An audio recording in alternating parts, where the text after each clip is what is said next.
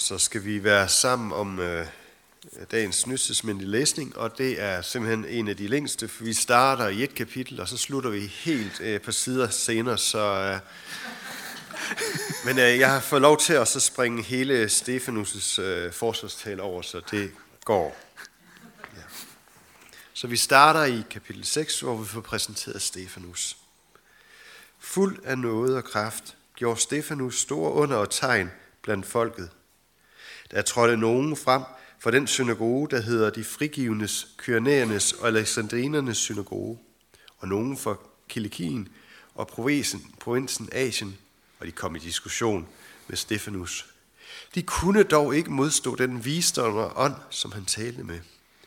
Så fik de i al hemmelighed nogle mænd til at sige, vi har hørt ham tale spottende om Moses og Gud. De ophidsede folket og de ældste og de skriftkloge og kastede sig over ham og slæbte ham med og førte ham for rådet. Og de stillede med falske vidner, som sagde, denne mand taler ustandstigt imod det hellige sted og imod loven. Vi har nemlig hørt ham sige, denne Jesus fra Nazareth vil bryde dette sted ned og forandre de skikke, som Moses har overleveret os. Alle sad i rådet, stirrede på ham, og for dem at se var hans ansigt som en engels ansigt. Og så holder Stefanus en længere forsvarstale, og efter den, der lyder det. Da de hørte dette, blev de ramt i deres hjerter og skar tænder imod ham. Men fuld af helligånden stirrede Stefanus mod himlene, og han så Guds herlighed og Jesus stående ved Guds højre side. Og han sagde, nu ser jeg himlen åben, og menneskesønnen stå ved Guds højre side. Der skreg de høj, holdt sig for ørerne og for alle som en løs på ham. Og de drev ham ud fra byen og begyndte at stene ham. Vidnerne lagde deres kammerne ved fødderne af en ung mand, der hed Saulus. Så stenede de Stefanus, mens han bad, Herre Jesus, tag imod min ånd. Og han faldt på knæ og råbte med høj rust, Herre, tilregn dem ikke denne synd. Og da han havde sagt dette, sov han hen. Det er en øh, vældig barsk historie, vi sådan øh, bliver konfronteret med her anden juledag. Fuldstændig rigtigt, som Birger øh, nævner, så er der udladt en stor del af den her tekst, øh, faktisk den længste tale i Apostlenes Gerninger, som er ind imellem her. Så vi har fået indledningen, og vi har fået afslutningen. Øhm, og den tale, der er ind imellem, den er dybt forankret i Israels historie og det gamle testamente. Historien det er den, at øh, Stefanus han står foran rådet her. Og øh, det er de ældste, det er de skriftkloge, det er dem, der virkelig ved noget om de gamle skrifter. Og så begynder han altså med, han starter ved Abraham, og så går han videre med historien om Josef. Han fortsætter med historien om Moses. Og han går videre ind i hele forståelsen af templet, og han beskriver, hvordan det var bygget. Og så siger han, at alt det her, det er en del af Guds frelsesplan, hvor Jesus han er forløsningen, det, det sidste, der, skal, der kommer til at ligesom sætte prikken over alt det her. Og han er en, en del af det fra begyndelsen til enden. Og, øh, og det huer dem ikke. Det huer dem ikke, at Jesus, som de netop har korsfæstet, faktisk er øh, kvintessensen af alt det, som Israels historie har været indtil nu. Stefanus, han afslutter sin tale sådan ret skarpt, øh, som vi lige har hørt. Han kalder sine tilhører i stivnakket. I sætter jer op imod helgenen. Hvem af profeterne har I ikke forfulgt? I er blevet Jesu forrædere og mordere. Sådan står der. Det er meget direkte og meget hård kritik. Ja, hvis vi sådan skal prøve at sætte os ind i, hvem var Stefanus, så tror jeg ikke, han var sådan en af de diplomatiske typer, vi kender. Han har ikke været sådan en, der har pakket tingene ind. Men han har sagt det lige ud af posen. Jeg forestiller mig lidt sådan en Johannes Døber type. Og de ord, han siger, har virkelig ramt dem i hjertet. Der står, at de holder sig for ørerne og skriger.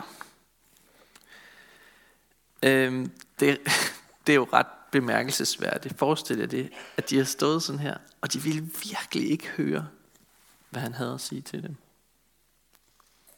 Jeg tror nogle gange, vi kan have det sådan som mennesker, når Gud han taler til os, at vi holder os for øren, vi lukker øjnene, og vi skriger, fordi vi vil i virkeligheden slet ikke høre budskabet. Det kommer for tæt på. Måske afslører Guds ord vores egen synd, vores egen afmagt, vores egne fejl. Og så er det nemmere at holde Guds ord lidt ud i strakt arm, og måske tænke, det handler, mås- det handler jo nok om nogen andre. Men det handler ikke om nogen andre. Guds ord er talt til os. Det handler om os.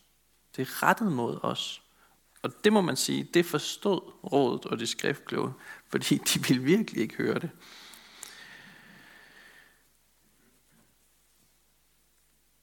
Men lad os prøve at se, om der ikke gemmer sig et glædeligt budskab i det afslørende evangelium. På mange måder så ligner historien her om Stefanus, den ligner historien om Jesu død på flere punkter. For det første, så blev de begge øh, falsk anklaget.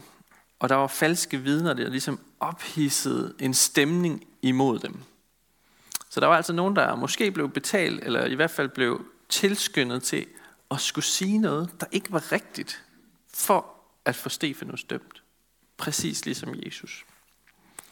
For det andet, så, øh, så vender de begge to blikket i deres øh, dødsøjeblik mod himlen, og beder en bøn til deres himmelske far. Så det, der fylder mest for Stefanus og Jesus, det er altså forbindelsen til Gud og til deres far, selv i dødsøjeblikket. Og for det tredje, så den bøn, de beder, dem, det er den samme bøn, de, de faktisk beder. De beder, Herre, tag imod min ånd. Herre, tag imod min ånd. Og for det fjerde, så beder de også begge to en bøn om at tilgive dem, der gør det her imod dem. Så man kan godt se, hvor Stefanus han har været i lære. Han har været i lære hos Jesus, og han følger ham i tygt og tyndt, øhm, selv i døden. Jeg tænker, det har været en skræmmende oplevelse for de her lærte. Det har været en skræmmende oplevelse, fordi de har i frisk erindring, at de lige har korsfæstet Jesus. Og nu står der en disciple af ham, og siger de samme ting, gør de samme ting, selv da de vil slå ham ihjel. Det må have været en skræmmende oplevelse, fordi de prøvede at undertrykke det her. De prøvede at få det til at gå væk, og nu begynder det at poppe op med flere. Og siden der var der jo mange flere, der skulle følge i Stefanus og hans herres spor.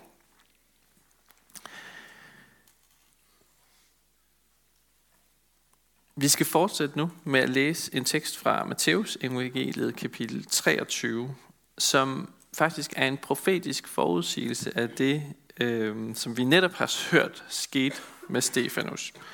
Og det er også øh, et barskt budskab fra Jesus. Det er det kapitel, øh, som har fået overskriftene V-råb over de skriftkloge og farisæerne. Og det er et af de sidste V-råb, vi skal lytte til. Derfor, se, jeg sender profeter og vise og skriftkloge til jer. Nogle af dem vil I slå ihjel og korsfeste. Andre vil I piske i jeres synagoger og forfølge fra by til by. For over jer må alt det retfærdige blod komme, der er udgydt på jorden – lige fra den retfærdige Abels blod til blodet af Zakarias, Bakarias' søn, som I dræbte mellem templet og alteret. Sandelig siger jeg, det skal alt sammen komme over denne slægt. Jerusalem, Jerusalem, du som slår profeterne ihjel og stener dem, dem der er sendt til dig. Hvor ofte vil jeg ikke samle dine børn, som en høne samler sine kyllinger under vingerne. Men I ville ikke. Se, jeres hus bliver overladt til jer selv, øde og tomt. For jeg siger jer, fra nu af skal I ikke se mig, før I siger, velsignet være han, som kommer i Herrens navn. Det er Guds ord til os i dag. Hvor mange gange skal jeg sige det til dig? Sådan sagde moren til sin søn. Hvor mange gange skal jeg gentage mig selv, før du forstår og gør, som jeg siger? Jeg tror, det er et genkendeligt omkvæd i de fleste familier. Medmindre man har nogle meget engleagtige børn. Men hvad nu, hvis man tog det her ud i det ekstreme?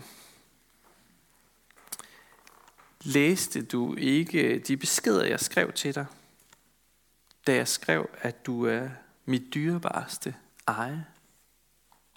Nej, jeg slettede dem. Så du ikke mit brev, da jeg skrev, at jeg elsker dig og savner dig mere end noget andet? Nej, jeg brændte det i kaminen. Mærkede du ikke, da jeg forbandt din sår, kyssede dig på panden og bar dig hjem? Nej, for jeg elsker dig ikke. Må ikke det er nogenlunde sådan, Gud har det med, med os mennesker, når vi vender ham ryggen. Den tekst, vi netop har hørt,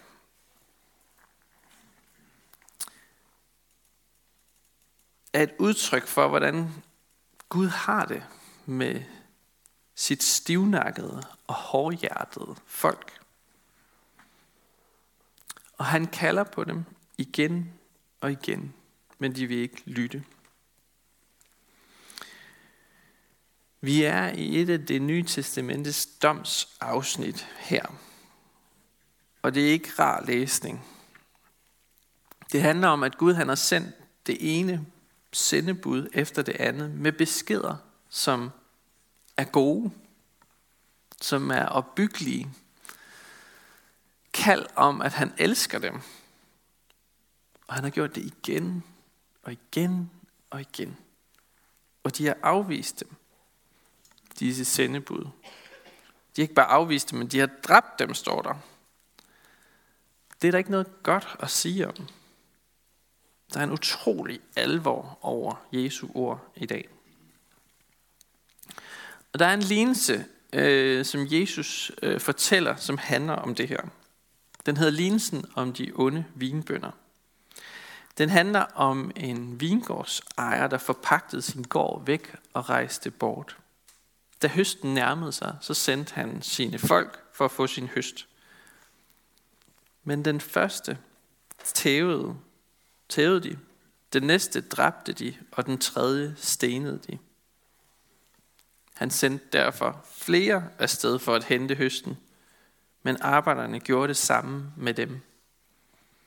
Til sidst besluttede vingårdsejeren sig for at sende sin egen søn, for ham vil de trods alt ikke ture og gøre fortræd. Men ham slog de også ihjel. Og Jesus han spørger så også sine tilhører, hvad vil vingårdsejeren gøre med dem, når han kommer hjem? Og de svarer, et ondt endeligt vil han give dem. Men Jesus han retter dem faktisk, og så siger han noget endnu værre. Han siger, Guds rige skal tages fra dem og gives til et andet folk. Så Guds rige skal tages fra dem og gives til et andet folk. Og i dagens tekst, der siges faktisk præcis det samme, med nogle lidt andre ord. Der siger han, se, jeres hus bliver overladt til jer selv. øde og tomt. Så til dem, der er tungnemme, dem, der er stivnakkede, dem, der er hårdhjertede, og holder sig for ørerne for Guds ord og skriger, når han taler. For dem vil riget blive taget fra dem og givet til et andet folk. Hvorfor skal vi høre det her anden juledag? Hvorfor i alverden er det i dag, vi skal høre om det? Jo, det skal vi, fordi midt i glæden og jublen over Jesu komme som det lille barn, der bliver vi mindet om, hvordan det hele endte for Jesus. Gud han sendte sin egen søn til sidst som den sidste profet i den her lignelse.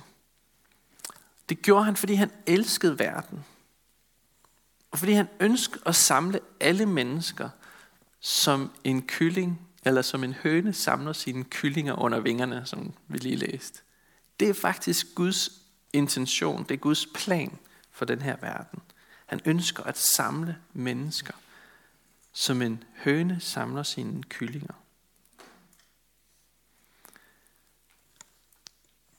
Men samtidig er det også et budskab om den vej, han måtte gå for at gøre det. Han blev slået ihjel. Den sidste profet i lignelsen blev også slået ihjel. Vingårdsejerens søn blev slået ihjel. Han blev slået ihjel på et kors. Og derfor har julen en tone af mål over sig. Og det er ikke fordi, at den tone ikke er smuk. En melodi i mol kan sagtens være meget smuk, men den har en klang, der vækker mindelser om Jesus smerte, Jesu lidelser, Jesu død. Så anden juledag, den minder os om, hvorfor Gud valgte at sende sin enborne søn til os. Det var ikke kun for, at vi skulle synes barnet i krybben er cute, men for at forstå, hvad Gud han var villig til at gøre for at frelse os. Så hvis du nogensinde har undret dig over, hvor langt Gud var villig til at gå for at sikre sig, at du var hans, så skal du først se helt ned i krybben, og dernæst skal du se helt op på korset. Og så har du dit svar på, hvor langt Gud var villig til at gå for dig.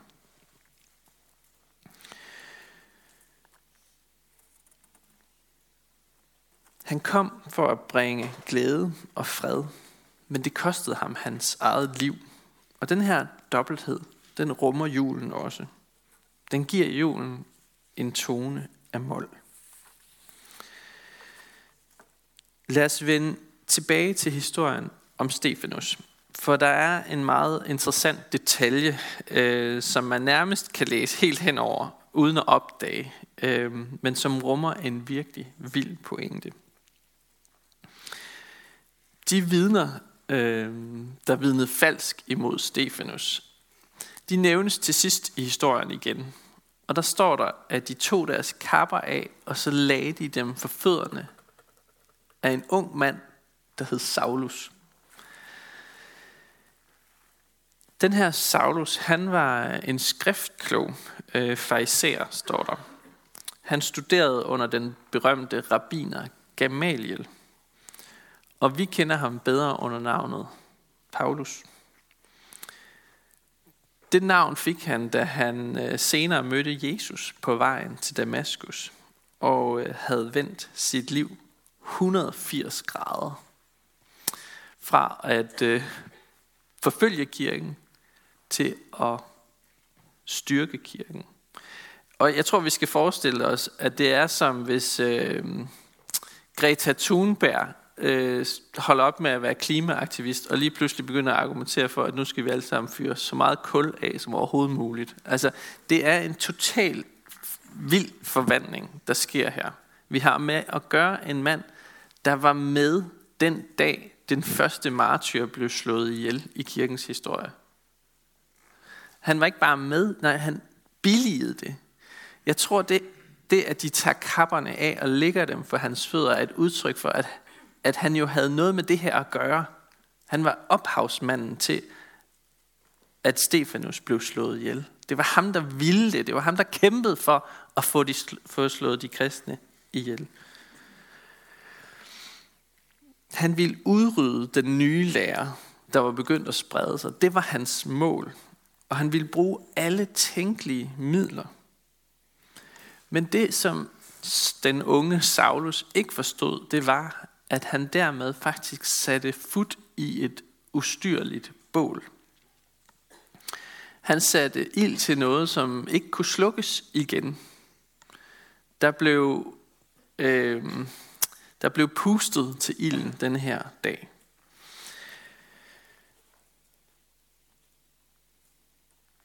Fordi da forfølgelserne begyndte at brede sig, så, så for det første så spredte de kristne sig længere ud i verden. Og de, de fortalte altså vidt og bredt om Jesus alle de steder, de kom. Så nu var det ikke bare et budskab til Jerusalem, men det spredte sig til hele verden. Og det, det var efter, at øh, Stefanus blev slået ihjel, at det begyndte at ske. Og så fungerede de her martyrer nærmest som magneter for troen. Deres vidnesbyrd om deres død var så stærkt, at den tro, de måtte have, den måtte bare være noget helt særligt. Fordi hvorfor var de ellers villige til at gå i døden for deres tro? Så selvom den her begivenhed selvfølgelig er sørgelig, den er trist, så, har, så rummer den altså også samtidig et fantastisk vidnesbyrd om den kristne tros styrke.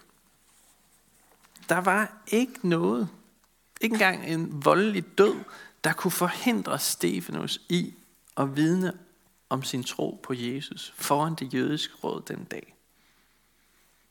Og det samme gjorde sig jo gældende for mange af de andre af Jesu disciple. Man mener, at 11 ud af de 12 led martyrdøden. Så det har jo været helt almindeligt, det her. Det har været den normaltilstanden for kirken i de første 300 år at blive forfulgt for troen.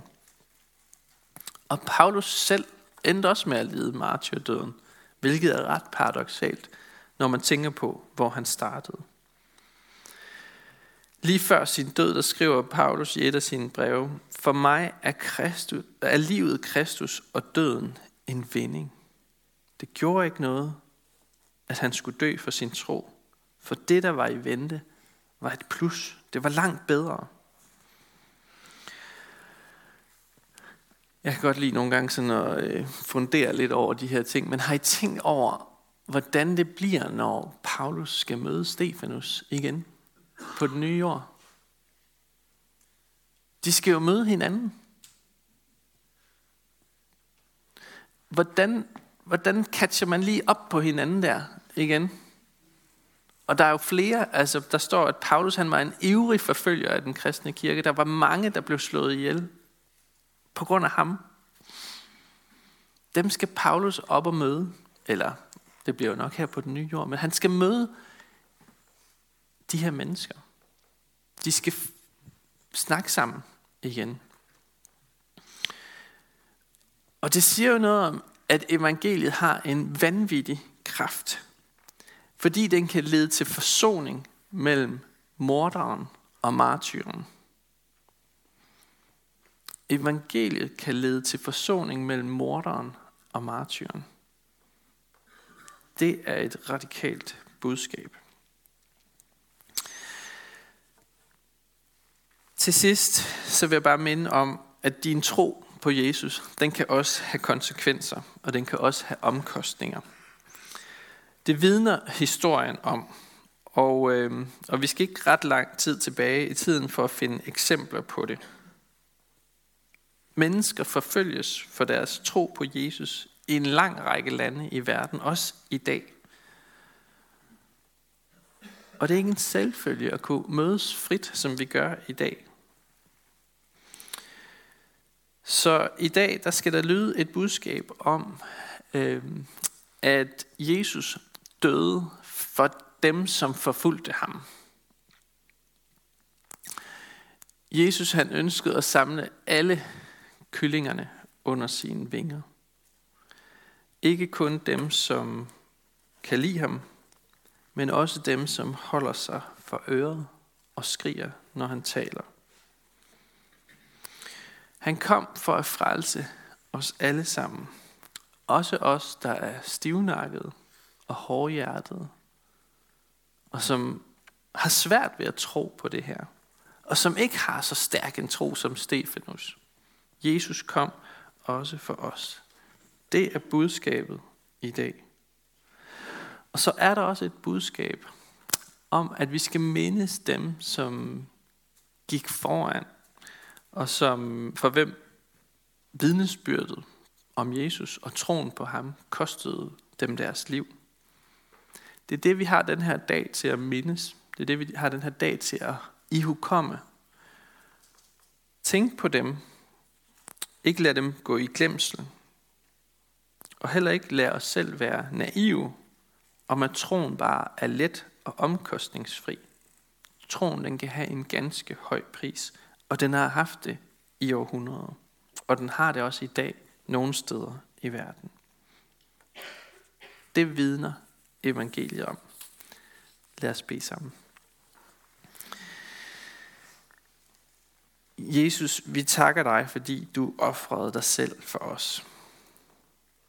Vi beder dig tilgive os vores stive nakker, hårde hjerter og vores manglende tro. Kom du med din ånd og væk troen til live i vores hjerter, så vi forstår, at troen er så værdifuld, at den kan have en meget, meget høj pris. Hjælp os til at tro, når kræfter vil angribe og nedbryde denne tro.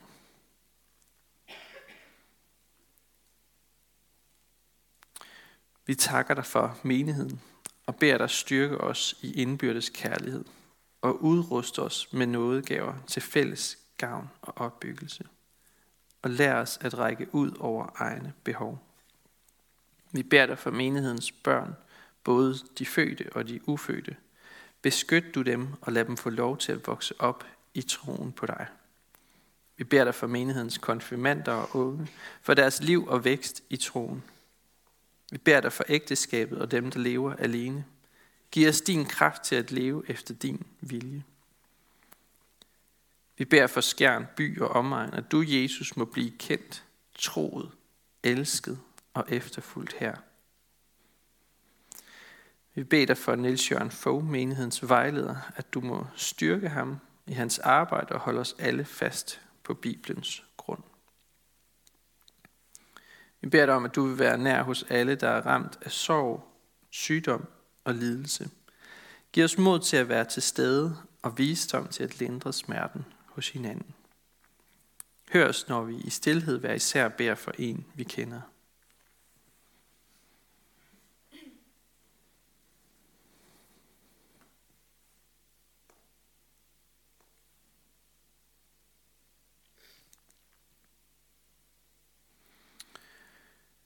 Vi vil særligt bede dig for Kirsten Østerby og Karoline Lundegård, som til dagligt er udsendt til henholdsvis Jerusalem og Grønland, men som lige nu er hjemme i Danmark. Og vi vil også bede dig for Sofia Hansen i Tanzania. Øhm, vi vil særligt bede dig for Sofia i den her tid, hvor hun øh, holder jul øh, meget langt hjemmefra. Vil du være med hende på en særlig måde. Vi beder dig for din kirke. Lad budskabet om dig, Jesus, spredes over hele jorden. Og styrk dem, som forfølges for dit navns skyld. Giv dem håb og udholdenhed i svære tider, og lad dem, lad dem være et vidnesbyrd om troen på dig. Vi beder for vores folk, for alle, der er blevet betroet magt og autoritet. Hjælp dem og os til at værne hinanden mod uret og vold, og kom så snart og gør alting nyt, Jesus. Amen.